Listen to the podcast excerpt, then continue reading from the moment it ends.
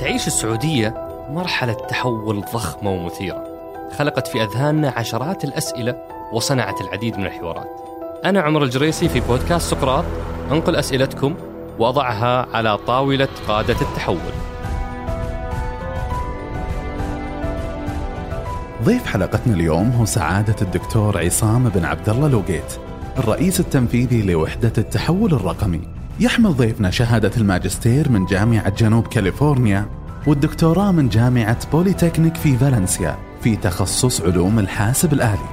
وتنوعت محطاته المهنية بين كونه مدير بوابة الخدمات الإلكترونية في جامعة الملك سعود ومستشار في تكنولوجيا المعلومات في وزارة التعليم العالي انتقالا لنيله منصب عميد التعاملات الإلكترونية والاتصالات بجامعة الملك سعود ثم كونه وكيلا في وزارة الخارجية. حتى وصوله لمنصبه الحالي كرئيس تنفيذي لوحدة التحول الرقمي. نترككم مع حلقتنا اللي تأتيكم من شبكة مايكس للبودكاست.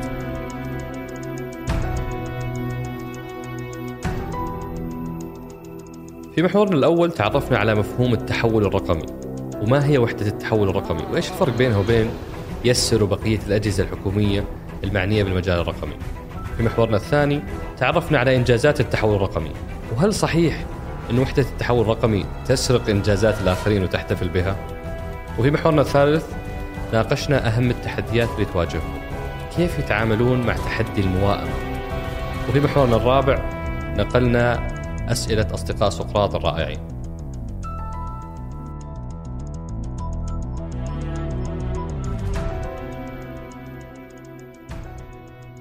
حياك الله أبو عبد الله. شرفتنا ونورتنا. يا هلا ومرحبا حياكم الله. أبو عبد الله أنا قبل ما أبدأ في محوري الأول اللي هو من أنتم آه فيه زميل معك في الوحدة أصر إنه يجي ويحضر ويسمع اللقاء من من شديد تقديره وامتنانه لك. وبالصدفة أنا عرفت من الزملاء في الأعداد إنه شاركوا في بودكاست ثاني وحكى قصتك معه وكيف إنك أنت يعني آه، استقطبته في وقت مبكر ودعمته ومكنته.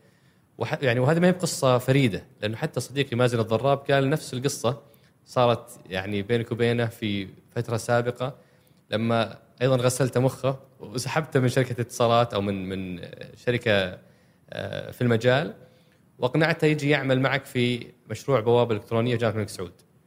وش قصتك دكتور مع استقطاب واقتناص الشباب في وقت مبكر وتمكينهم؟ الله يعطيك العافية ويعطيهم العافية آه، طبعا الأخ مهند والاخ مازن آه، كلهم ما شاء الله نماذج للشباب السعودي المتميز والطموح في نفس الوقت. وهم يعني هذا لطف وكرم منهم حقيقه ان يذكرون القصص هذه ولكن الحقيقة هي أنه أنا ليس قناص وإنما محظوظ. ما شاء الله. دعاء والدين محظوظ إنه موفق إنه آه، أجد هؤلاء الشباب المتميزين آه، في يعني في طريق العملي. الظاهر اريح لك لو يعني أقصد يعني الشورت كات أو الطريق المختصر الواحد يجيب كفاءات يعني كبار وجاهزين وش اللي يخليك تجي من بدري وتأخذ الشباب الصغار مرحله الجامعة وتستثمر فيهم؟ المتميز بالعكس الشباب أول حاجة أحس إنه واجب وطني على أي شخص يكون في منصب قيادي بغض النظر عن حجم هذا المنصب سواء مدير إدارة أو قائد لقطاع كبير جدا واجب وطني علينا إن تنمية القدرات والمواهب الموجودة لدينا في المملكة العربية السعودية والحمد لله ما عندنا نقص فيها ابدا. ما شاء الله. والشيء الآخر ما شاء الله الشباب هؤلاء يعني آه، وكثير منهم يعني آه، غير المثالين اللي ذكرناه في قصص كثيرة جدا لمجموعة من الشباب آه، ما شاء الله متميزين عندهم الحماس عندهم الطموح إنه يطور نفسه للافضل ويخدم المجال اللي يعمل فيه. فهذا يعني خلينا نقول هو السبب الرئيسي. مهند أنت استقطبته في المجموعه السعودية. هو كان موجود معنا في المجموعة السعودية. والآن برضو في وحدة التحول الرقمي. صحيح. ما شاء الله. الله يقويكم. وبالمناسبة ندخل الآن على سؤال من أنتم. وهذا عادة هو أسهل سؤال مع ضيوفي السابقين. في يعني حلقتنا اليوم هو أصعب سؤال لأن لأن كثير مو بعارفين وش دور الوحدة. بعضهم ما يعرف وش الوحدة أصلا. آه، يسألون وش فرقها عن يسر برنامج يسر. وش فرقها عن التحول الوطني بعضهم يقولون مو مو مدير التحول الرقمي هو ثامر السعدون فموضوع التحول الرقمي وحدة التحول الرقمي يعني آه، تحتاج آه، منك مجهود يعني كبير في إنك تشرح لنا ما هو التحول ما هي وحدة التحول الرقمي؟ طيب أه ببدأ في البداية بيروقراطية بعدين نتكلم بشكل خلينا نقول أكثر أريحية. طيب أه وحدة التحول الرقمي ال- ال- ال- خلينا نقول أه عدم المعرفة بالوحدة أو الغموض اللي حاصل قد يكون نوعا ما مبرر لسبب بسيط جدا أن الوحدة عمرها قليل جدا صغير جدا. سنتين الوحدة أنشئت في جولاي 2017 صحيح اللي هو شهر شوال في نهاية شهر شوال عام 38 هجري. آه، ومع بداياتها حتى أثناء هذه السنتين صار في تغييرات لأنه الوحدة أنشئت مع اللجنة الوطنية للتحول الرقمي. فهي خلينا نقول أنشئت اللجنة الوطنية للتحول الرقمي وأنشئت وحدة التحول الرقمي كذراع تنفيذي لهذه اللجنة. فالعمر الصغير كان له دور، هذه شغلة. الشغلة الأخرى أنه مجال التحول الرقمي بطبعه آه، خلينا نقول نوعا ما كمحت كمفهوم مصطلح وككونسبت آه، ما زال آه، جديد نوعا ما فالكثير يتوقع التحول الرقمي هو تقنية معلومات وهذا غير صحيح لا التحول الرقمي هو أشمل وأعم من تقنية المعلومات بشكل كبير جدا بل أن تقنية المعلومات هي آه، تأتي في المرتبة الثانية في مجال التحول الرقمي، المرتبة الأولى هو العميل اولا ونماذج أعمال جديدة والتقنية هي مفعل لهذه الشغلات. آه، فهذا السبب الآخر. آه، حقيقة المسمى قد يكون تحول التحول يعني المملكة العربية السعودية يمكن الثيم الطاغية فيها الآن هو التحول وإن شاء الله للأفضل فالمسمى أيضا ما ساعد وجود برنامج التحول الوطني ووجود آه، وحدة التحول الرقمي آه، ولكن إن شاء الله طموحنا إن شاء الله بإذن الله في السنوات ال- ال- القليلة القادمة إن شاء الله أنه يكون ال- المفهوم وأعمال الوحدة إن شاء الله معروفة للجميع وأنا طموحي في الخمس دقائق القادمة إني أعرف وحدة التحول الرقمي ما هي وما الذي تعمله؟ جميل طيب إحنا أعطينا مقدمة البيروقراطية. انشائها بالأمر الملكي وحدة التحول الرقمي لو بلخصها بلخصها في ثلاث شغلات. الشغلة الأولى هي أمانة للجنة الوطنية للتحول الرقمي. فاللجنة الوطنية للتحول الرقمي انشات بامر ملكي ولديها عدد من المهام ومع إنشائها أتى إنشاء وحدة التحول الرقمي كذراع تنفيذي لها. فهذه الشغلة الأولى. الشغلة الثانية وحدة التحول الرقمي هي مركز تميز موجودة ضمن حوكمة برامج تحقيق الرؤية آه، كمركز تميز آه، يشارك في اعتماد آه، خطط التنفيذ أو ال delivery plans لمختلف هذه البرامج. هذا الشيء الآخر والشيء الثالث اللي هي أنها قائد ومسرع وممكن للتحول الرقمي في المملكة العربية السعودية بشكل عام وتعمل مع القطاعات الحكومية لتمكين هذا الشيء. فهذه هي الثلاث المهام الرئيسية جميل في مهمة في أخرى يعني خلينا نقول إضافية وهي آه، إنها م- آه، الوحدة التحول الرقمي آه، تحت آه، خلينا نقول وزارة الاتصالات آه، قائد لفريق عمل الاقتصاد الرقمي في مجموعة العشرين. ما شاء الله أبو عبد الله لو أحد أبنائك ولا أي طفل في الابتدائي يسالك وش التحول الرقمي؟ شلون تشرح له اياه بطريقة مبسطة بعيدا عن المصطلحات التقنية؟ جميل. التحول الرقمي هو آه، خلينا نقول كمصطلح أو كمفهوم هو سد الفجوه ما بين تطور التقنية ونماذج الأعمال. ما زالت غير واضحة خليني أشرحها بشكل أسهل. التقنية في السابق كان لها دور كبير في تطوير نماذج الأعمال. نجد أنها ساهمت في سواء في الشركات أو في القطاع الحكومي أو في الحياة اليومية ساهمت التقنية أنه تخدم وتطور نماذج الاعمال الموجودة لدينا.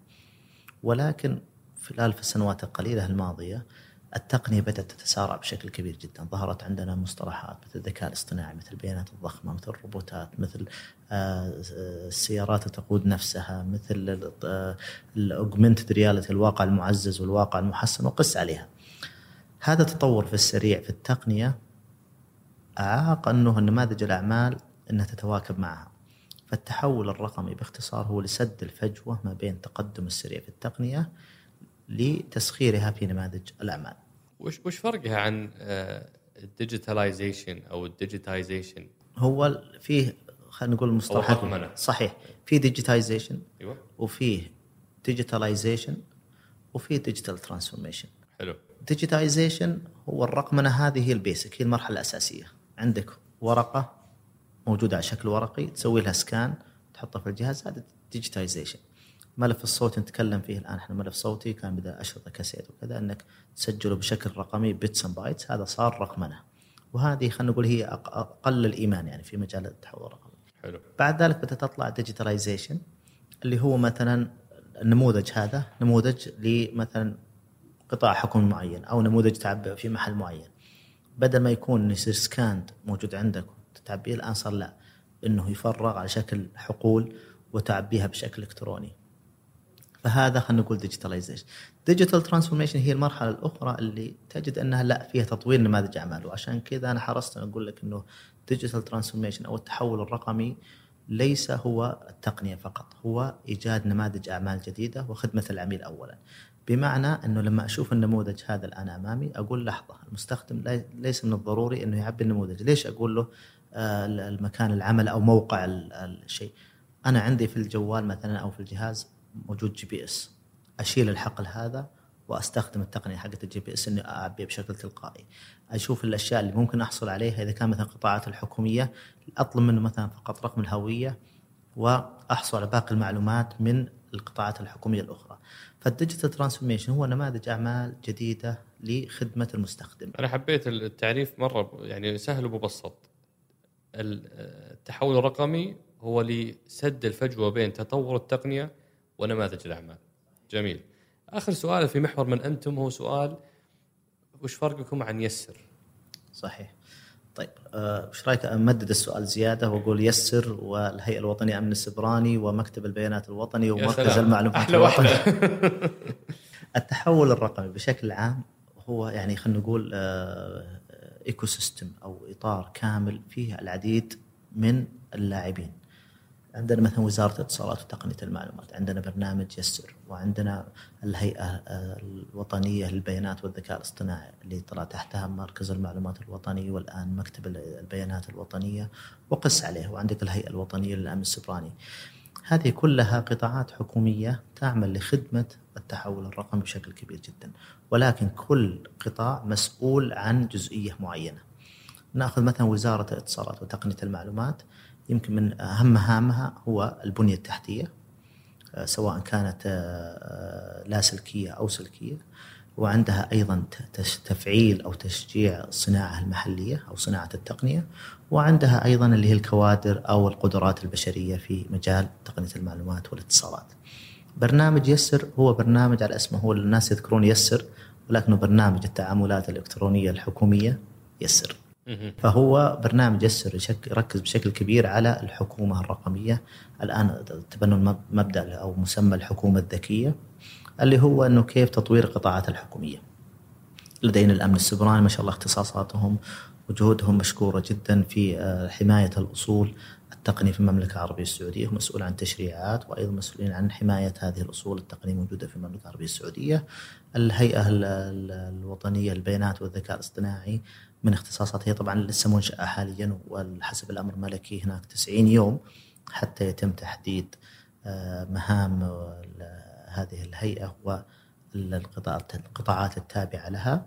ولكن آه، هي تركيزها سيكون إن شاء الله على تفعيل دور البيانات. البيانات الآن هي النفط الجديد هي البنية التحتية الجديدة. يمكن إذا سمح لنا الوقت نتطرق لها هذا فهذا أيضا جيد. والذكاء الاصطناعي هذا الذكاء الاصطناعي الآن أثبت وجوده أثبت استخداماته آه، فهناك ارتباط وثيق جدا ما بين البيانات وبين الذكاء الاصطناعي، الذكاء الاصطناعي لا يعمل إلا إذا كان هناك عندك مجموعة من البيانات تستطيع تحليلها واكتشاف الانمطه الموجودة فيها لدعم متخذ القرار آه، بغض النظر عن مجال سواء صحة أو تعليم أو غيرها ومجالات أمنية وغيرها. فهذه القطاعات كل منها مختص بدوره.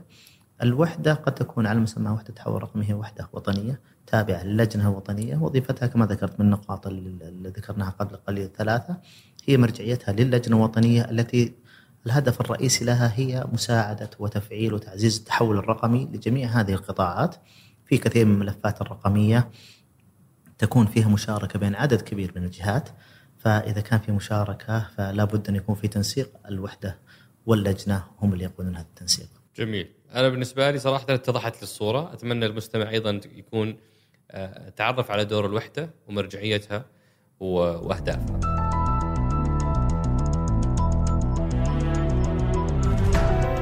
الآن بنتقل للمحور الثاني اللي هو محور ماذا حققتم؟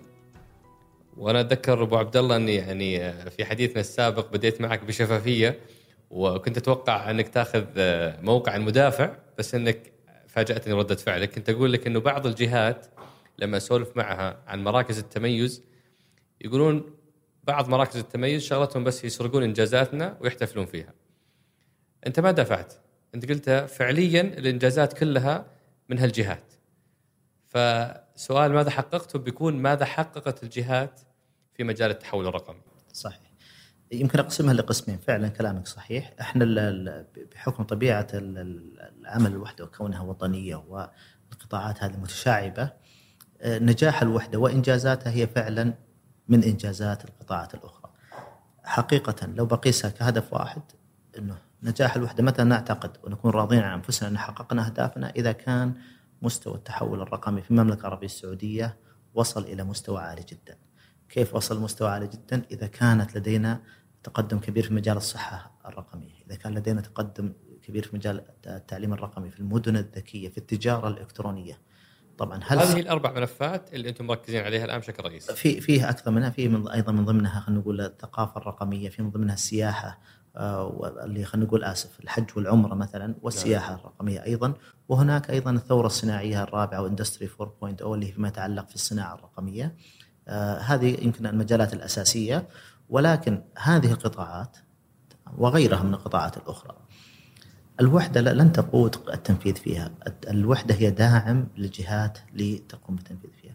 وكما ذكرت لك يمكن في نقاشنا السابق أنه هذه القطاعات فيه نجد قطاعات ما شاء الله متقدمة جدا ونجد قطاعات تحتاج دعم ونجد قطاعات ما زالت متأخرة. وهذا طبيعي على كل حال يعني حتى في دول أخرى. ولكن النجاح كما ذكرت لك أنت ذكرت لي مراكز التميز. لن أنسب لنفسي أي نجاح في مجال الصحة الرقمية.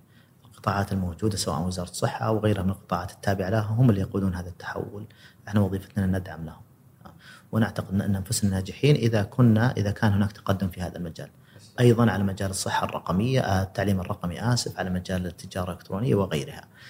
هذا شيء، الشيء الآخر أيضا حتى لا يكون دور الوحدة فقط هو دور خلينا نقول باسف اللي هو فقط ينتظر حتى لا إحنا نقود زمام المبادرة للتعاون مع بعض الجهات الأخرى ونعرض خدماتنا. الدور الرئيسي يمكن ما يتعلق بالجهات هو آه، تقديم الخدمات الاستشارية والإيضاح بحكم التجارب اللي اطلعت عليها الوحدة أثناء عملها مع الجهات الأخرى. فنستطيع أن نقدم الدعم للجهات أنه كما ذكرت لك سابقا كان المصطلح أنه التحول الرقمي هو تقنية فقط. لا التحول الرقمي كيف أنه في قطاع معين قطاع إكس بدل من أنك تتبع وتمشي على نفس المنوال لا فكر خارج الصندوق ما رأيك بنموذج الأعمال هذا؟ هذا يساهم بالشكل ممكن ناخذ مثال دكتور يوضح آه، طبيعة العلاقة بينكم وبين هالجهات. بعطيك مثال يمكن قد ما يكون آه، يمكن للوحدة ولكن خلينا ناخذها في مجال مثلا الصحة الرقمية. كما ذكرت لك الصحة سابقا المريض التفكير الكلاسيكي للصحة أو تقديم الرعاية الصحية إن المريض إذا يحتاج رعاية يجب إنه يا أما إنه يذهب للمستشفى أو لا قدر الله في بعض الحالات إنه الإسعاف يأتي إليه في محله. الآن كان سابقا معيار القياس إنه عدد الزيارات اللي يستقبلها مثلا طبيب، كيف إنه عنده زيارات كثير معناته إنه الآن فعالة الطبيب. وهذا الآن مع التحول الرقمي أصبح مقياس هذا غير فاعل. أنا أنظر للأساس الهدف هو تقديم رعاية صحية متميزة لمن يحتاج هذه الرعاية. طيب السؤال هل يحتاج أن يذهب للطبيب؟ ليس بالضرورة. فالتقنية ممكن تستخدم التقنية ولاحظ كلمت إنك تستخدم التقنية لإيجاد نموذج عمل جديد بحيث إنه الذي يحتاج الرعاية الصحية في البداية يفعل التقنية خلينا ناخذ مثال تطبيق صحي مثلا لدى وزارة الصحة إنه أعمل استشارة طبية وأنا مكاني في بيتي في راحتي. الطبيب عنده القدرة من خلال هذه التقنية سواء اتصال مرئي أو اتصال صوتي أو باستخدام الشات والتواصل إنه أطلع على حالة المريض وأقرر أقول لا أنت ترى الموضوع بسيط جدا ولا تحتاج لزيارة المستشفى. الكل راضي هنا. أنا وفرت وقت الطبيب إنه ما سمحت له إنه يقابل الشخص اللي فعلا يحتاج يقابله ووفرت رعاية صحية ممتازة للمريض اللي يحتاج هذه الرعاية. بل على العكس أستطيع أن أفعل التقنيه بشكل أكبر إنه خلاص الطبيب قال له على فكرة مما يبدو إنه هذا الجرح أو هذا الالتهاب بسيط جدا لا يحتاج إنك تأتي. وبضغطة زر الوصفة الطبية الان موجودة باسمك؟ تستطيع تذهب لأي من الصيدليات وتحصل على العلاج. تعالجها نفسك. جميل، وفي مثل هالامثله دكتور عادة وش يكون دوركم أو كيف تكون العلاقة بينكم بين الوزارة؟ نعم في هذا المثال بالذات يمكن الزملاء الله يعطيهم العافية في وزارة الصحة قادوا المجال ولكن نأخذ مثال آخر فيما يتعلق في أيضا اللي يسمونها تيلي ميديسن الرعاية الصحية عن بعد في بعض الحالات يكون المريض في مناطق خارج المدن الكبيره ويكون الاستشاري موجود في أحد هذه المدن الكبيره ويحتاج المريض أنه يزور هذا الطبيب. فسابقا كان المريض يضطر أنه يتكبد عناء السفر يحجز طيارة ويذهب إلى المدينة أخرى وهو مريض وتعبان لكنه يضطر أنه يذهب ويسافر حتى ينتظر حتى يقابل الأخصائي والاستشاري. فكان في اقتراح لفكرة اللي هي ال telemedicine هذه بالتعاون مع الزملاء في وزارة الصحة وتم تطبيق نموذج افتراضي خلينا نقول proof of concept تجربة على خمسة مدن بحيث إنه المريض يذهب إلى أقرب مدينة له يعني ما تبعد عن ساعة ويستطيع أن يقابل طبيب ليس استشاري يساعده عن طريق تقنية أجهزة حساسات سواء للنبض سواء لدرجة الحراره وخلافه والاستشاري في المدينة الأخرى البعيدة يستطيع إنه يتحدث مع المريض بمساعدة الطبيب العادي ال general practitioner الطبيب العام ويقوم بتشخيص حالة المريض بدون أن يتكبد المريض هذا العناء. هذه بعض ال cases. في بعض الأمثلة أنتم بادرتوا اقترحتوا على اي هذه هذه المبادرة كانت نتاج نسميها ال blueprints المخططات القطاعية. عمل الزملاء في الوحدة على أربع مخططات قطاعية للصحة الرقمية للتعليم الرقمي للتجارة الإلكترونية وللمدن الذكية. هذه المخططات الأربعة هي تحليل للواقع، طبعا طريقة عمل هذه المخططات القطاعية كانت بالتعاون اللصيق مع الزملاء في القطاعات المختلفة، تم عمل ورش عمل، تم دعوة المسؤولين من هذه القطاعات، تم دعوة المواطنين ومن العموم تحليل للمشاكل أين نقاط الخلل أين نقاط الضعف. كما ذكرت لك التحول الرقمي هو لخدمة العميل اولا. فأنت يا عميل أين هي المناطق اللي ممكن تحسن فيها الخدمة موجوده لك نتج عنها تحليل لمجموعة من المبادرات جمعت هذه المبادرات وحللت ووضعت في هذه المخططات القطاعيه وسلمت للجهات لتنفيذها. طيب لو لو بنتكلم دكتور بلغة الأرقام في الصحة التعليم التجارة الإلكترونية والمدن الذكية. ما الذي حققته تلك الجهات في التحول الرقمي؟ جميل هذا السؤال أنا يمكن ما أجاوب عليه بشكل كامل ولكن أبى أحيل الزملاء المستمعين إلى التقرير اللي صدر قبل تقريبا قبل شهر. القطاعات الحمد لله فيها حراك كبير جدا سواء هذه القطاعات الأربعة أو غيرها. في تقرير نصف السنوي لعام 2000 في حسابكم في تويتر صح؟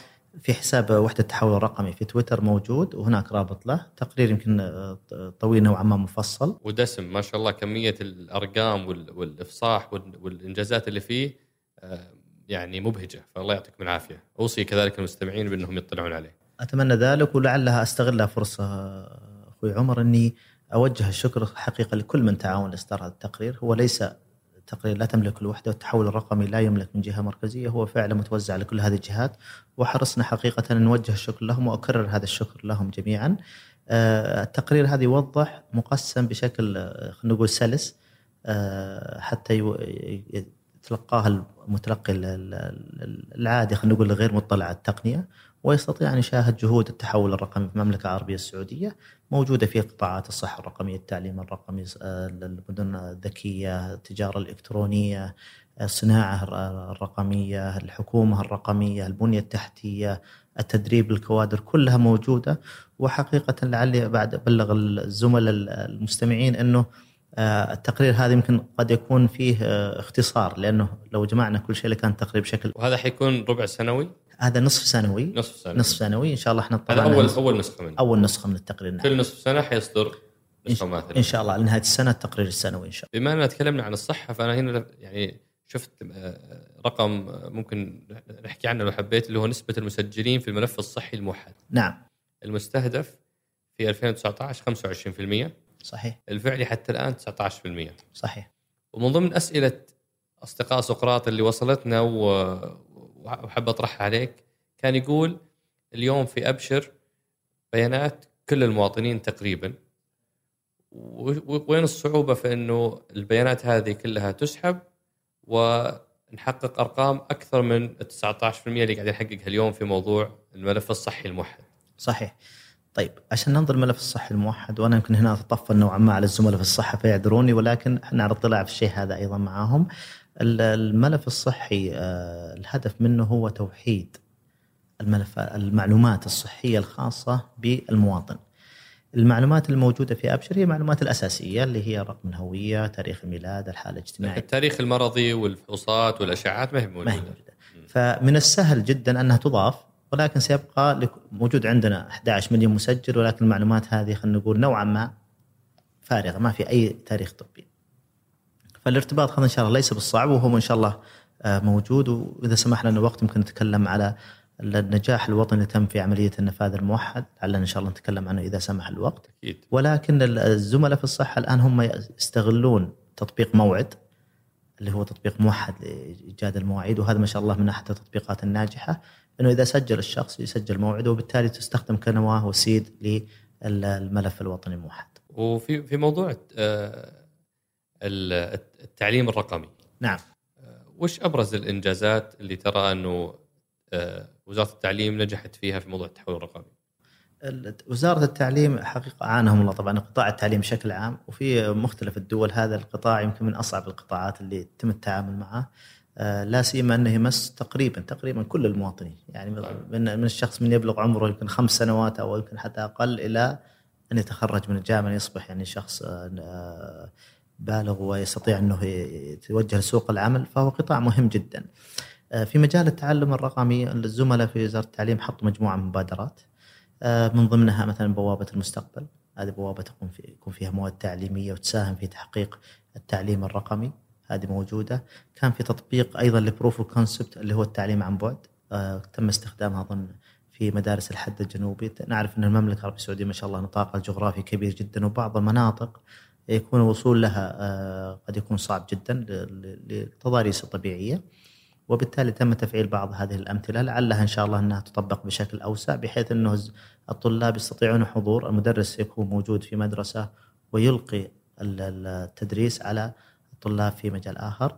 الآن في مشاريع ومبادرات إن شاء الله لعلها ينطلقون فيها الزملاء في وزارة التعليم قريبا من ضمنها اللي هي يسمونها customized learning بحيث إنه الهدف النهائي إنه كما ذكر لك البيانات الضخمة أنه الطالب التعليم لا يكون آه، مقاس واحد للجميع بل على العكس أنه يكون التعليم مخصص للطالب بحيث أنه على حسب مستوى الطالب على حسب مدى اهتماماته يتم يا اما إعطائه مواد أكثر أو أقل على حسب مدى بحكم اطلاعك يعني في المدى البعيد كيف شكلت نموذج العمل الجديد في التعليم؟ التحول الرقمي في التعليم بيوصلنا لوين؟ التحول الرقمي في التعليم طبعا في عدة مجالات. أه بناخذ في مجال التعليم فقط. الآن عندك أه نقطة مهمة جدا ويتم التركيز عليها اللي هي مهارات المستقبل. مهارات القرن الواحد والعشرين. البرمجة وال... إيوه وهذه إن شاء الله ما شاء الله فيها جهود ومذكورة في التقرير من ضمنها السعودية تبرمج وغيرها. ولكن الفكرة إنه تهيئه التعليم لا يكون بالطريقة التقليدية بل يكون هناك تأهيل للمهارات المتطلبة في القرن الواحد والعشرين. على سبيل المثال خلينا ناخذها كمثال واضح مجال الأمن السبراني. الأمن السبراني من أحد المجالات الناشئة اللي خلينا نقول فيه نقص معين. وزارة التعليم استحدثت مجموعة من البرامج في عدد من الجامعات للأمن السبراني خصوصا وكذلك ابتعاث ابتعاث خارجي للأمن السبراني. هذه واحدة، في مجال التعليم كما ذكرت لك باستخدام التقنيات الآن المقررات بدل ما تكون كتب مطبوعة يكون إنها بشكل رقمي بل على العكس يكون التعليم بشكل تفاعلي. بحيث أنا لما أشرح لك عن تجربة ما اضطر اني احتاج أروح لمعمل معين أو معمل يتطلب تجهيزات كبيرة جدا حتى اني أسوي التجربة هذه بل باستخدام الايباد ولا اي وسيط آخر انه استطيع اني أسوي التجربة هذه بشكل تفاعلي بتكلفة أقل في اي مكان انت تستطيع الحصول عليها الطالب. هذه من الناحيه المباشرة فيه التجارب الأخرى الآن وهي كلها تتمحور حول البيانات كيفية استغلال البيانات. أن نلاحظ في بعض المواقع اللي سميها ما تسميها التعليم الإلكتروني أو التدريب الإلكتروني أو اللي مثل يوداسيتي وغيرها من المواقع هذه كورسيرا كورسيرا. وغيرها. هذه المعلومات فيها كنز كبير جدا بل فعلوا تقنيات الذكاء الاصطناعي والبيانات الضخمة لتحسين التجربة التعليمية وتخصيصها. بمعنى أنا كمدرس واقف أمام الطلاب ألقي عليهم محاضرة قد يكون في طالب غير مهتم لاهي قد يكون طالب أصلا مسرح بالآمي. وقد وقد وقد. في هذه المواقع التعليمية أنا عندي كنز كبير جدا إني أول شيء أشوف الطالب دخل على أي كورس. الشيء الثاني إني أعرف إنه دخل قبل أن يدخل على هذا الكورس ما هي الكورسات اللي كان يفكر يدخل فيها لأنه تصفح الموقع. لما يكون يشوف الفيديو أشوف كم مرة وقف. لما أشوف الفيديو وش الجزئية من الفيديو اللي عادها ثلاث مرات عشان يفهم. لأن في معادلة أنا في الفيديو أقدر أشوف بعدين ما فهمت أرجع وأعيد. كل هذه المعلومات يستغلونها وتوفير أول شيء التعليم المخصص لتحسين التعليم وغيرها من وفي مجال التجارة الإلكترونية وأنت حضرتك يعني داخل فيها أكثر في موضوع لجنة التجارة الإلكترونية ولا لا؟ أو مجلس التجارة الالكترونيه عفوا. آه، وش أهم ما تحقق في مجال التجارة الإلكترونية من تحول رقمي؟ التجارة الإلكترونية أيضا هذا موضوع منطلق ما شاء الله بشكل كبير في المملكة العربية السعودية وبشكل شخصي أنا أقول لك سعيد جدا لأنه الحمد لله المفترض أنه يكون يبدأ من زمان ولكن بشكل عام التقدم فيه متسارع بشكل كبير جدا. التجارة الإلكترونية أيضا موضوع متشعب. آه، البعض يتصور أن التجارة الإلكترونية فقط آه، أنك تحط موقع وتحط فيه بضائع وخلاص الناس يدخلون عليه ويشترون، لا. التجارة الإلكترونية فيها مكونات رئيسية من ضمنها جزء هذا الموقع ووضع بضائع هذا سهل. السداد التوصيل. Payment. نعم. آسف الان ما شاء الله عليك أجل آه، مسوي ريسيرش الخاص فيك. هذه بركات إنك تصير صديق مازن الضراب. ما شاء الله. عبي راسك بالتجارة الإلكترونية و... أنا والله ودي أجيب مازن وأحول السؤال عليه لأنه ما شاء الله بيفتي في هذا المجال. ولكن فعلا ال- النواحي اللوجستية هذه تنعكس بشكل كبير جدا على التجارة الإلكترونية. آه، وهذه إن شاء الله فيها تحسن كبير قادم. وخلنا نقول يعني من باب الشفافية. نعترف إنه في عندنا نوع من ال- القصور في هذا المجال داخل المملكة العربية السعودية. آه، التوصيل آه، إلى الآن لم ينضج بشكل كبير جدا. آه، أيضا المدفوعات الرقمية وهذه الحمد لله تحسنت بشكل كبير جدا ولكنها مهمة جدا. إنه لما يكون في تسهيل لعملية الدفع بشكل إلكتروني هذه تساهم في تعزيز التجارة الإلكترونية. وفيه أيضا مجال تحفيز وتوعية ثقافة خلينا نقول تأهيل للشباب لأنه فيها مجال كبير جدا. آه، برنامج آه، طموح آه، من منشآت. هذا برنامج كبير جدا جميل جدا إنه يساعد على خلينا نقول تأهيل الناس اللي عندهم صناعات انه يكون عندهم متاجر إلكترونية. لو نظرنا للتجارة الإلكترونية لجدنا أنها تحل مشاكل كبير جدا. إحنا ما شاء الله نشوف والا ما راح أسميها تجارة إلكترونية ولكن خلينا نقول جاهزية للتحول للتجارة الإلكترونية. عندنا مثال على ال- الإنستغرام ما شاء الله عندنا كثير من العوائل المنتجه كثير من آه، شباب وشابات هذا الوطن اللي أصبح عندهم وسيلة لتحقيق الدخل بشكل إلكتروني عن نعم. طريق هذه المتاجر. هذا إن شاء الله خطوة مستقبلية لهم انه يكون فعلا عندهم متاجر إلكترونية.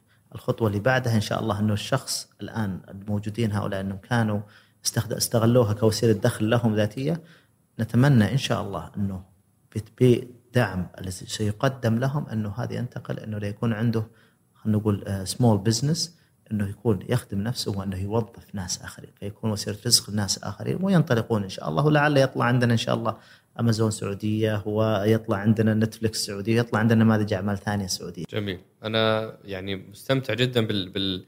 باستعراض النتائج اللي قاعد أشوفها في التقرير بس إني بختم آه، عشان الوقت بمبادرة قريبة لقلبي اللي هي مبادرة طريق مكة. نعم. آه، كان لكم دور فيها أنتم في الوحدة؟ حقيقة المعلومات يمكن قليله عندي لا هذا طريق مكه أظن اللي كان يقودها يمكن آه، وزارة الداخلية آه، مع وزارة الحج مع وزارة الحج ضمن برنامج خدمه الضيوف اللي هي التحول من إنه ضيوف الرحمن بدل ما ينهون إجراءاتهم هنا أصبحوا ينهونها في بلدانهم. صحيح ويصل الدخول يكون ميسر. ويكون ميسر حتى بعضها توصل الحقائب إلى إلى يعني مقر إقامتهم. فكأنهم واصلين عبر رحلة داخلية وهم يعني آه، فعليا رحلة دولية. صحيح. طبقت في خمس مدن آه، خمس دول على ما أظن. صحيح. تونس، باكستان، بنغلاديش، إندونيسيا وماليزيا. نعم. وستعمم إن شاء الله بشكل أكبر. ولعلي أشير أيضا هذه تعتبرونها من أمثلة التحول الرقمي لأنه نموذج العمل تغير. صحيح. نموذج العمل تغير وفعلت التقنية بشكل كبير جدا. ولعلي أربطها أيضا في آه، خلينا نقول آه، مبادرة إياب أيضا. هذا صحيح. إياب أيضا ما شاء الله. أول مرة تطبق السنة هذه. السنة هذه نعم. صحيح. وهذه يعني أشياء جميلة. أنا يعني أوصي المستمعين بأنهم يطلعون على الحساب. إحنا بنح... على التقرير. بنحط رابط التقرير في آه، وصف الحلقة. لأنه فعلا تقرير ثري ودسم وشفاف. يعني بعض ال- ال- المستهدفات لم يتحقق منها إلا شيء قليل جدا فالشفافية هذه في استعراض كل الأرقام شيء يعني تشكرون عليه واللي مهتم يعرف أكثر يطلع على التقرير في وصف الحلقة.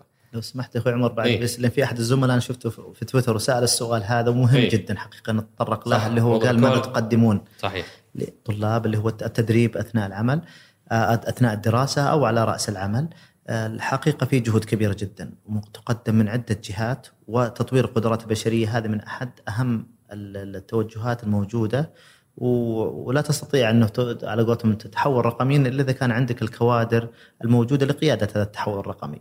بالنسبة للسؤال فهناك العديد من المبادرات بعضها على تعلق أنه على رأس العمل اللي هو ريسك انه يكون واحد على رأس العمل ويقوم تطوير قدراته تزويده القدرات فيه مبادرات من آه، وزارة الاتصالات موجودة آه، من ضمنها مبادرة اعطاء الرقمي من ضمنها مبادرات أخرى آه، منشآت أيضا لديها برامج برنامج مسك أيضا لديهم برامج تطويرية وأيضا هناك لص- لصغار السن في برامج اللي تعزز الثقافة الرقمية من ضمنها البرنامج اللي هو الثينك تك مؤتمر الروبوتات العالمي وغيرها. أنا أنصح الزملاء المتابعون يمكن هذه حسابات منشآت أو وزارة الاتصالات وغيرهم لأن دائما يعلنون في حساباتهم عن هذه البرامج التدريبية لعلها إن شاء الله ينفع الله بها. طيب أبو عبد الله أنت قبل شوي قلت لي إنه نبغى نتكلم عن موضوع النفاذ الموحد من ضمن الأشياء اللي آه، تم تحقيقها وش وش قصة النفاذ الموحد؟ طيب الله يعطيك العافية، النفاذ الموحد هذا أحد الأمثلة اللي الوحده يمكن عملت فيها دورها التنسيقي كان واضح فيها بشكل كبير جدا. النفاذ الموحد باختصار هو أحد تطبيقات الهوية الرقمية. ال- الهوية الرقمية للمواطن، المواطن عنده هوية في جيبه اللي هي بطاقة الأحوال. الهوية الرقمية هي يكون عندك تمثيل رقمي لهذه الهوية. من ضمن التطبيقات لهذه الهوية هو النفاذ الموحد. معناته النفاذ الموحد أنا باختصار. عندي ألف user كل موقع قاعد يطلب من user يا جديد. سلام عليك. إنه الآن يصير عندك username password واحدة. هذه هي هويتك الرقمية تدخل فيها على جميع المواقع الحكومية. سابقا حقيقة كان كل موقع يطلب username password. هذه كانت معاناة. كانت مزعجة جدا. آه ناهيك إن كل واحد بيتذكر password النواحي الامنيه وقس عليها. وأيضا من ناحية الترابط بحيث إن لما يكون عندي username password وأنا اكون في وزارة التجارة وأروح لوزارة الصحة هذا نفس الشخص مع من السهل جدا الربط في هذا الموضوع. كان فيه آه آه، خلينا نقول توجيه من اللجنة الوطنية في 2018 إنه يتم ربط 40 جهة. الحمد لله تم تحقيق هذا المستهدف وزيادة 42 جهة. 2019 مستهدفين إن شاء الله 100 جهة. ال- إلى الآن 69 جهة. إلى الآن 69 جهة. والعمل جاري حقيقة. وقت التقرير كان 69 جهة الآن أظنها تعدت آه، كان وصلت في السبعينات. ولكن إن شاء الله المستهدف سيحقق. آه، هذا جهد تشاركي وهذا نموذج جميل جدا لإيجاد قصص نجاح تشاركية. مركز المعلومات الوطني برنامج يسر والوحدة والقطاعات الحكومية كلها. ولعلي أشير أيضا إنه طبيعة عمل الوحدة هي الآن هي عملية تنسيقية بين الجهات أيضا في في يعني في عمومها. في قصص نجاح كثيرة جدا. آه، من ضمنها أيضا في مجال السياسات الرقمية. الوحدة الحمد لله الآن إحنا عشان تفعل التحول الرقمي يجب أن يكون النظام التشريعي عندك ناضج. تم تحليل تقريبا 180 سياسة وتم إيجاد الفجوات الموجودة فيها وهذا مشروع إن شاء الله سير النور قريبا إن شاء الله. سمى إيجاد ال- ال- التشريعات اللي هي غير موجودة. آه، بعطيك مثال مثلا نظام التجارة الإلكترونية هذا الآن ظهر قريبا هذا ساعد بشكل كبير جدا. فيه أنظمة إن شاء الله مشابهة ستطلع في تشريعات أو بوليسيز كثيرة ستطلع. آه، اللجنه الوطنيه للتحول الرقمي الحمد لله الآن صار لها جهود كبيرة جدا. عدد من اجتماعات كثير من الملفات اللي كانت نوعا ما آه، معطلة أو يكون فيها نوع من آه، عدم الوضوح تم حلها وإصدار قرارات من اللجنة الوطنية في هذا المجال وهذا إن شاء الله مجموعة من خلينا نقول ال- ال- الإنجازات اللي تمت في الفترة القليله الماضية والأكثر إن شاء الله سيأتي بإذن الله. جميل. الله يعطيك العافية وعساكم على القوة.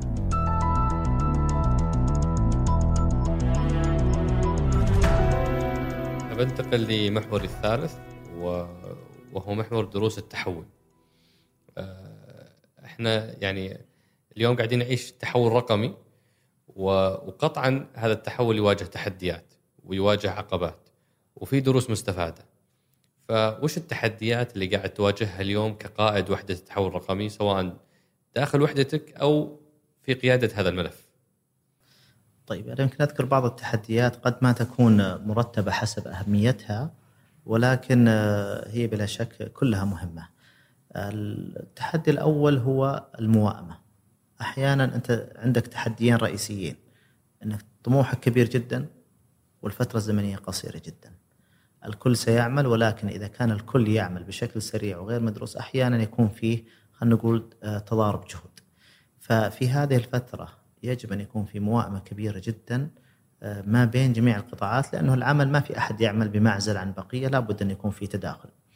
فهذه حقيقة وجدنا لها أهمية عالية جدا وجدنا فوائد أنه لما يكون الشغلة أو الموضوع في أكثر من جهة أن تجمعهم على طاولة واحدة تم النقاش الفوائد تحصل عليها لا يمكن تقديرها من ناحية حفاظ على الوقت، حفاظ على الجهد وتوفير خلينا نقول الموارد سواء مال أو وقت.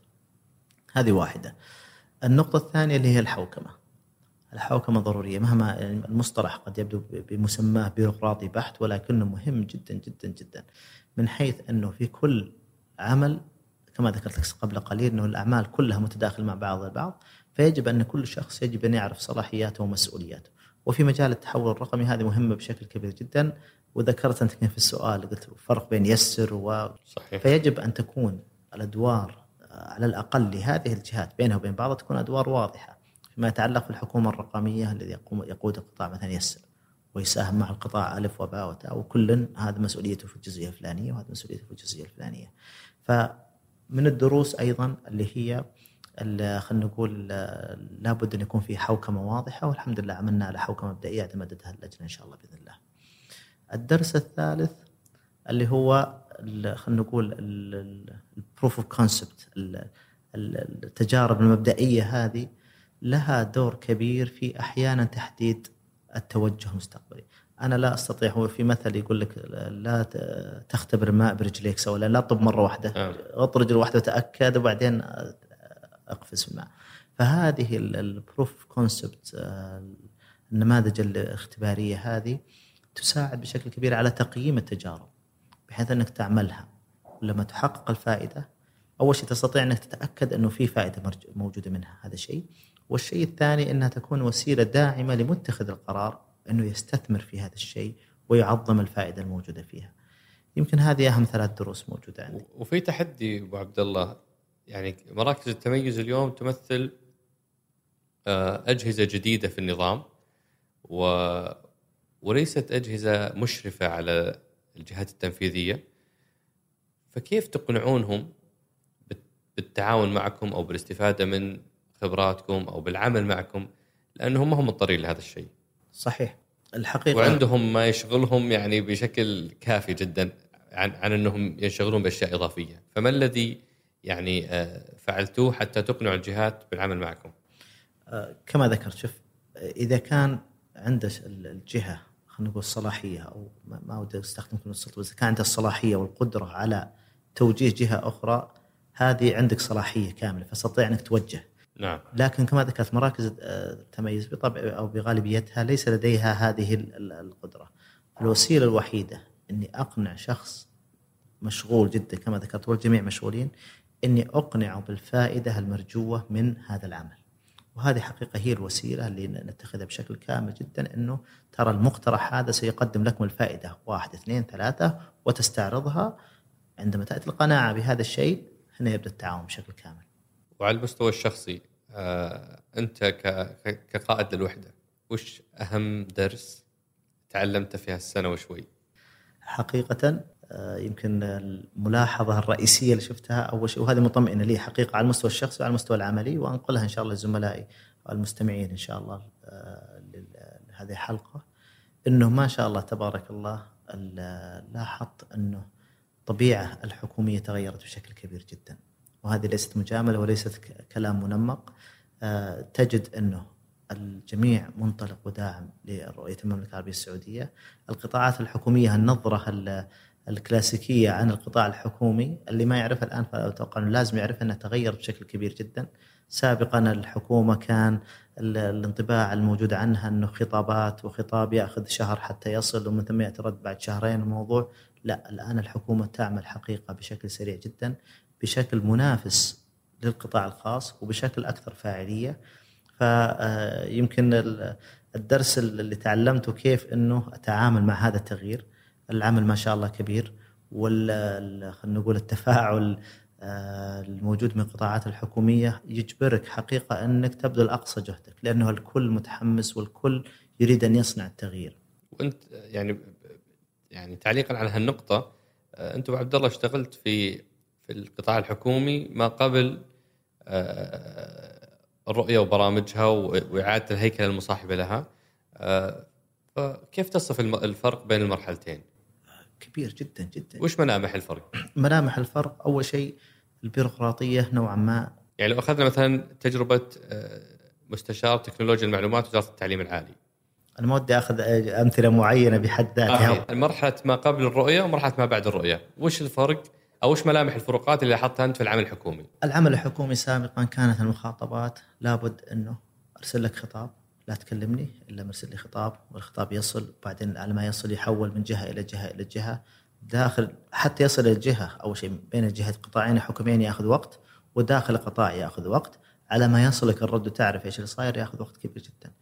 الآن يمكن الخطابات الحكومية بين الجهات أصبحت فقط رسمية وشكلية. الآن الحمد لله شغلة معينة مع قطاع آخر أرفع السماعة على الشخص المسؤول عنها خلينا نجتمع سوية نسق الموضوع ومن ثم يرسل الخطاب ويرتب الأمور يعني في نفس الوقت ما ودي لأن ودك إنك تفقد ناحية التوثيق الحكومي وهذا عمل مؤسسي وكامل ولكن لا ودك إنك تلغي البيروقراطية بشكل كامل جدا. هذه أهم حاجة، الشيء الثاني اللي هو السرعة.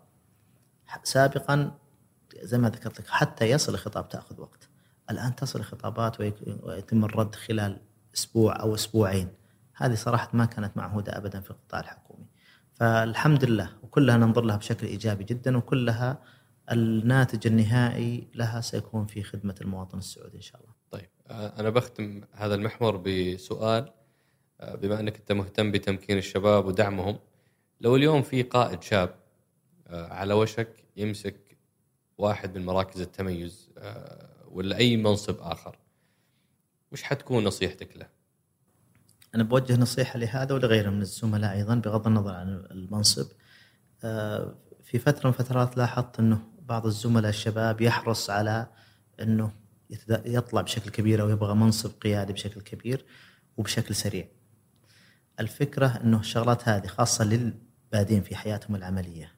احرص على تقوية نفسك وعلى تمكين نفسك وتطوير مهاراتك. البقية ستأتي. إن شاء الله الواحد يعني في خاصة في بداياته المناصب القيادية والتقدم الوظيفي هذا يأتي كنتاج طبيعي إذا كنت أنت عندك المهارات اللازمة للشيء هذا. واجهتها حقيقة وكنت أنصح فيها كثير من الزملاء أنه قو نفسك خاصة في مجال التقني مثلا وتقس عليه في المجالات الاخرى. قبل أن تطل... يكون طموحك أن يكون عندك وظيفة إدارية أو وظيفة في منصب خلينا نقول إداري أحرص أنك تقوي نفسك في مجالك لأنه إذا مسكت إدارة في مجال معين وأنت غير مطلع على تفاصيله كاملة فإنك حقيقة لن تستطيع إدارة هذا القطاع. فأول حاجة هذه النصيحة الأولى أن تقوي نفسك في مجالك خذ وقتك لا تستعجل السنوات أقل حاجة السنوات الثلاث إلى الخمسه الأولى أحرص أنك تطور مهاراتك في كل ما يتعلق في مجالك. ومن ثم البقية ستأتي إن شاء الله باذن الله. الشيء الآخر أنه بعد مرور فترة معينة أحرص على تطوير مهاراتك أيضا خلينا نقول آه، الشخصية. ما أدري كيف أسميها معدة الناس لكنها إدارة الناس هي ليست الناس بشر ليسوا يعني كآلات. فطريقة الإدارة يجب أن تكون فيها نوع من الحكمة يجب أن يكون فيها نوع من التحفيز. كلنا شفنا الصورة اللي هي المدير والقائد. نعم. القائد فعلا يجب أن يكون أول شيء جزء من فريق. يجب أن يراعي احتياجات الفريق يجب أن يكون ممكن وداعم لهم تمام؟ ويجب أن يكون هو يأخذها على الجيد والسيء. بمعنى أنه إذا كنت أنا قائد والفريق نجح وصار في إنجاز فأفخر بهذا الإنجاز كجزء من الفريق. إذا كان في شيء خطأ مو مباشرة أوجه اللوم على الموظف لا. أنا القائد أنا المسؤول الأول عن كل ما يحصل سواء كان جيد أو سيء. فهذه بعض النصائح ممكن اوجهها للزملاء. الله يعطيك العافية. شكرا لك أبو عبد الله. أنا اختم محوري الثالث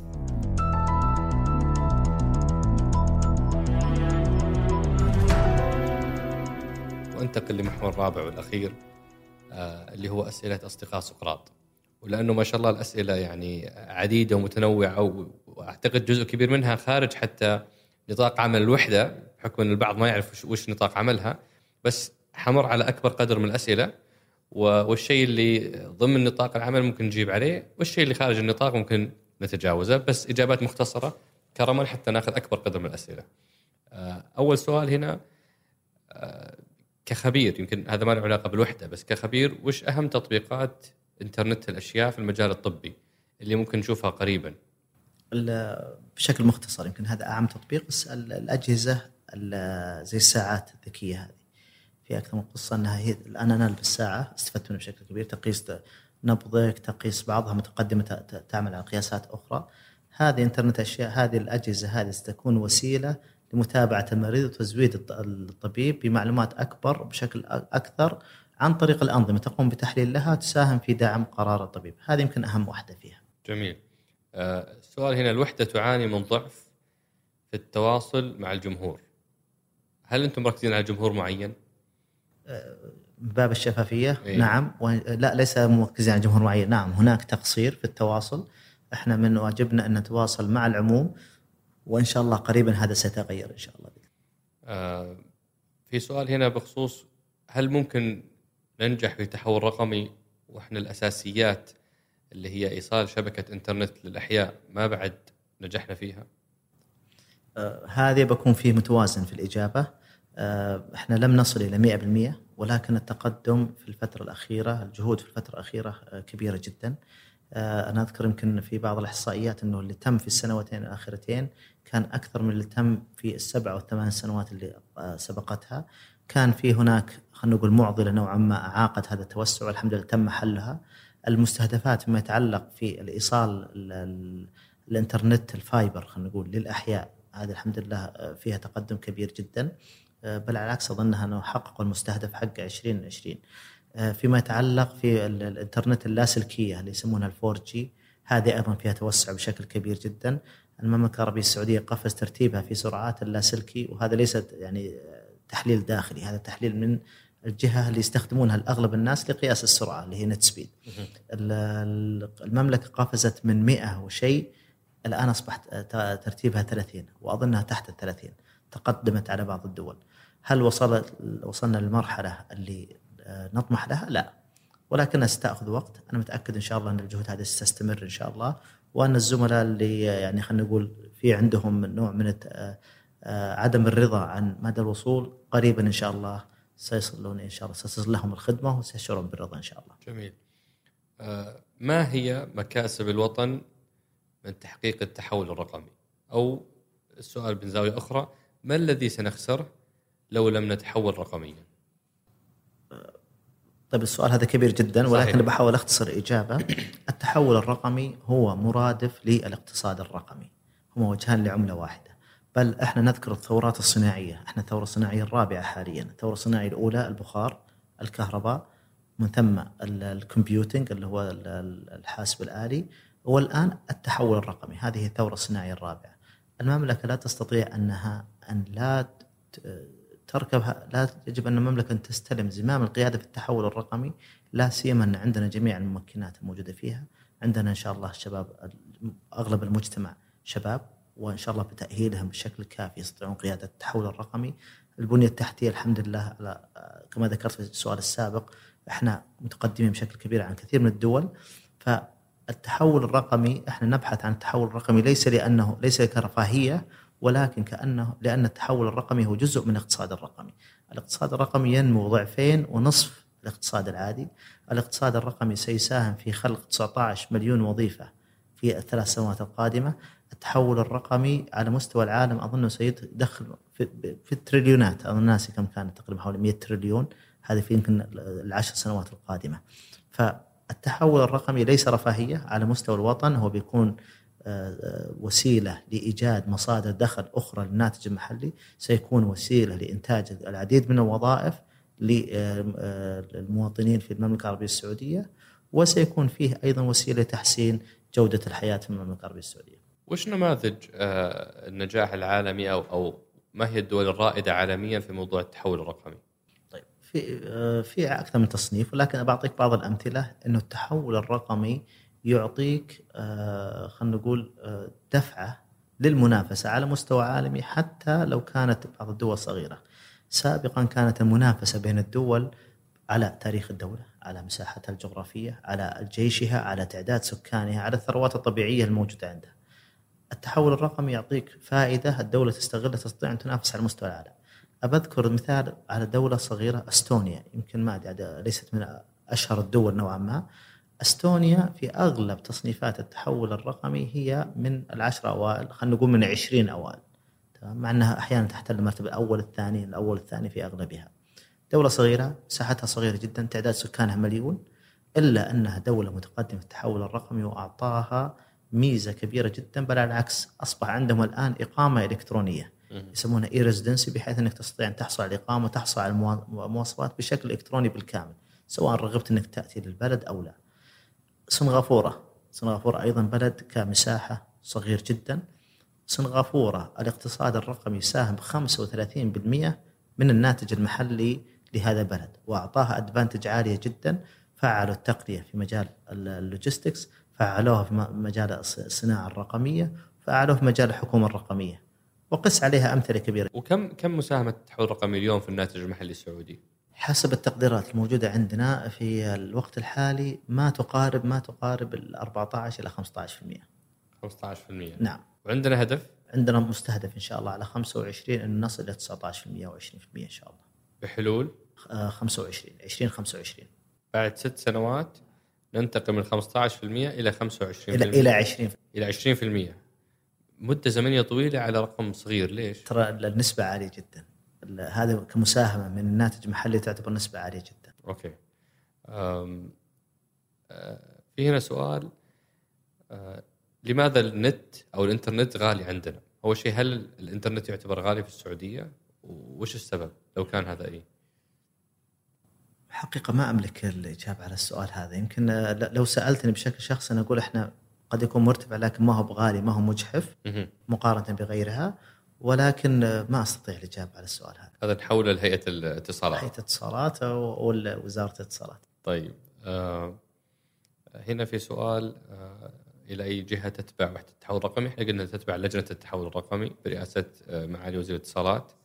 آه كيف يتواصل المواطن والمقيم مع الوحدة؟ هل أصلا في يعني علاقة بينهم ولا أنتم المفروض إنكم جي تو جي فقط جهة حكومية مع جهات حكومية؟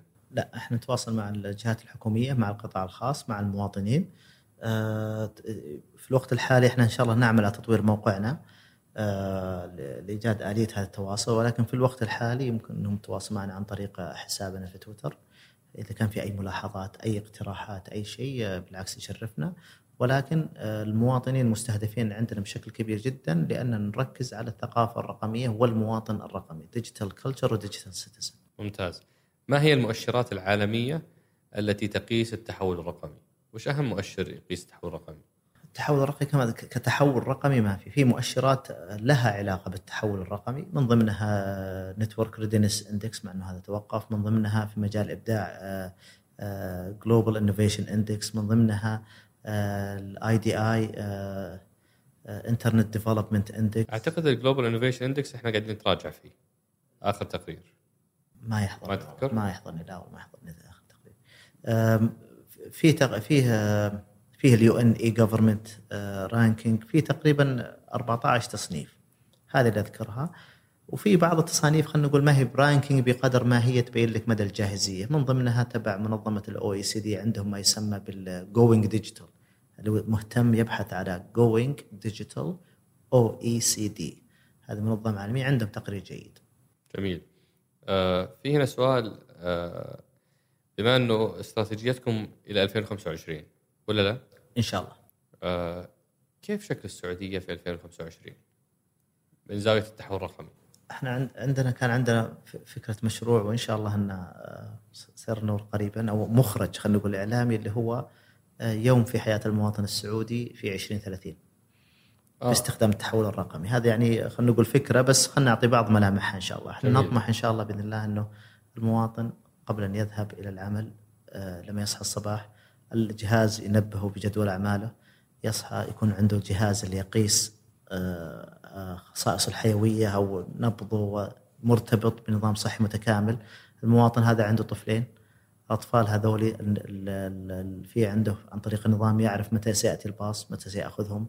حركة الباص وهم موجودين معه الطفلين هذول أحدهم عنده مثلا آه، لا قدر الله مثلا صعوبات في التعلم. النظام الإلكتروني الموجود لدى وزارة التعليم عن طريق البيانات الموجوده عندهم يستطيع إنه يسوي كستمايزيشن أو تخصيص للتعليم لهذا الطفل. وبينما أخوه أو أخته آه، لديها تخصيص خاص فيها. يسمونه في مجال التنقل والمدن الذكية الإشارات ستكون ذكية. حركة السيارات ستكون كلها مراقبة وفيها تحليل لها. سيكون هناك خلينا نقول اقتراحات ل يسمونه المصطلح. بغض النظر هذه يعني خلينا نقول بعض اللمحات الموجودة عليه. لعلنا إن شاء الله نخلص هذا الموضوع. ولكن حقيقة التركيز عندنا القطاعات الخمسة الرئيسية أو الستة الرئيسية اللي ذكرت لك إياها في 2025 أتوقع إن شاء الله يكون فيها تقدم كبير جدا اللي هي الصحه الرقمية، التعليم الرقمي، المدن الذكية، التجارة الإلكترونية.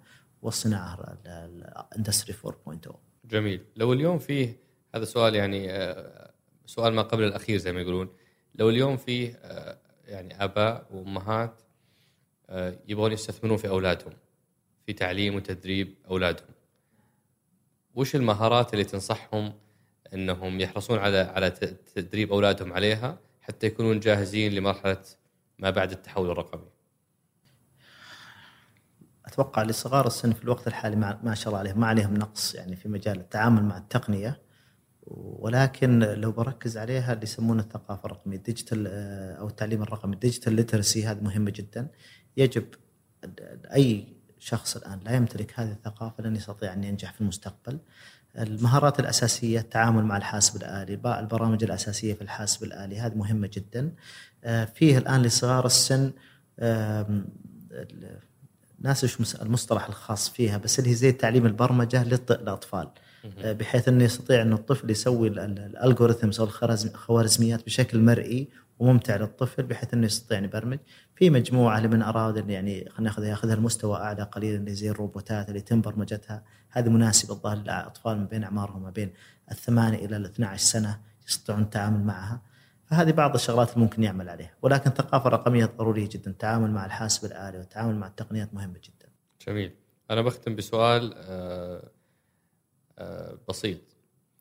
وش أطول اجتماع قد حضرته يا أبو عبد الله؟ أنت يمكن لي قصة قبل أنت عارف. هذه أثناء يمكن هذه قصة طريفة. يمكن للزملاء المستمعين كنا نتكلم وش أغرب موقف أو أغرب قصة أو أطرف قصة حصلت لك. هذه في عملي. يمكن في حياتي العملية كلها كان في اجتماع في آه، اليابان يمكن قبل أربعة أشهر أو أقل قليلا.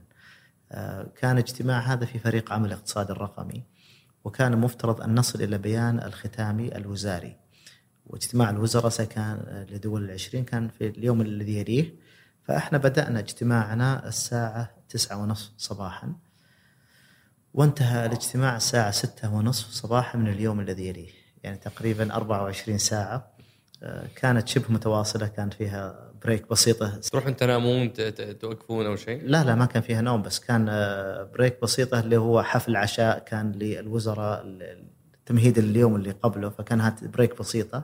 أثناء الاجتماع طبعا ال coffee machines وهذه يمكن كان استغلالها بشكل كبير جدا. المهم عقب هالوقت هذا أخذتوا اللي تبون؟ الحمد لله يعني كان في خلينا نقول شبه اتفاق ولكن هذا يمكن درس مستفاد إنه لما تكلمت على الموائمة ممكن نعم. تطبقها على شيء على أي مستوى حتى على المستوى الدولي يمكن سبب طول الاجتماع إنه ما كان في موائمة بالشكل المناسب من قبل الرئاسة اليابانية مع الدول الأخرى فطول الاجتماع إلى أن وصلنا للنص المقترح الله يعيننا وياكم أنا ممتن جدا لمشاركتك معنا وقبول الدعوة أبو عبد الله وعلى المستوى الشخصي تعلمت كثير كشخص بعيد عن المجال الرقمي والتقني تعلمت كثير آه، عن هذا العالم. وأتمنى إننا أيضا وعينا السادة المستمعين آه، باللي قاعد يحدث في الجهات واللي قاعد يحدث في وحدة التحول الرقمي. فشكرا لك أبو عبد الله. شكرا لكم. وأتمنى إن شاء الله أن استطعنا نقدم الفائدة. في شغلات كثيرة يمكن يضيق الوقت عليها ولكن أشكر لك إن شاء الله وإحنا نرحب حقيقة يمكن الزملاء المستمعين أتمنى إن شاء الله إن نرحب باقتراحات آه، في مجال كبير للتحسين لا ندعي الكمال ونرحب بأي آه، دعم آه، أو اقتراحات تستطيع ان تساعدنا في عملنا نرحب فيها منهم شكراً. لك. شكرا العافية. التحول الرقمي هو سد الفجوة بين تطور التقنية ونماذج الأعمال مو بقادر أتخيل حجم التغير في حياتنا لو نجحنا فيه. أصدقاء سقراط شكرا لدعمكم المستمر. شاركوا هذه الحلقة مع من تعتقدون أنها تهمهم.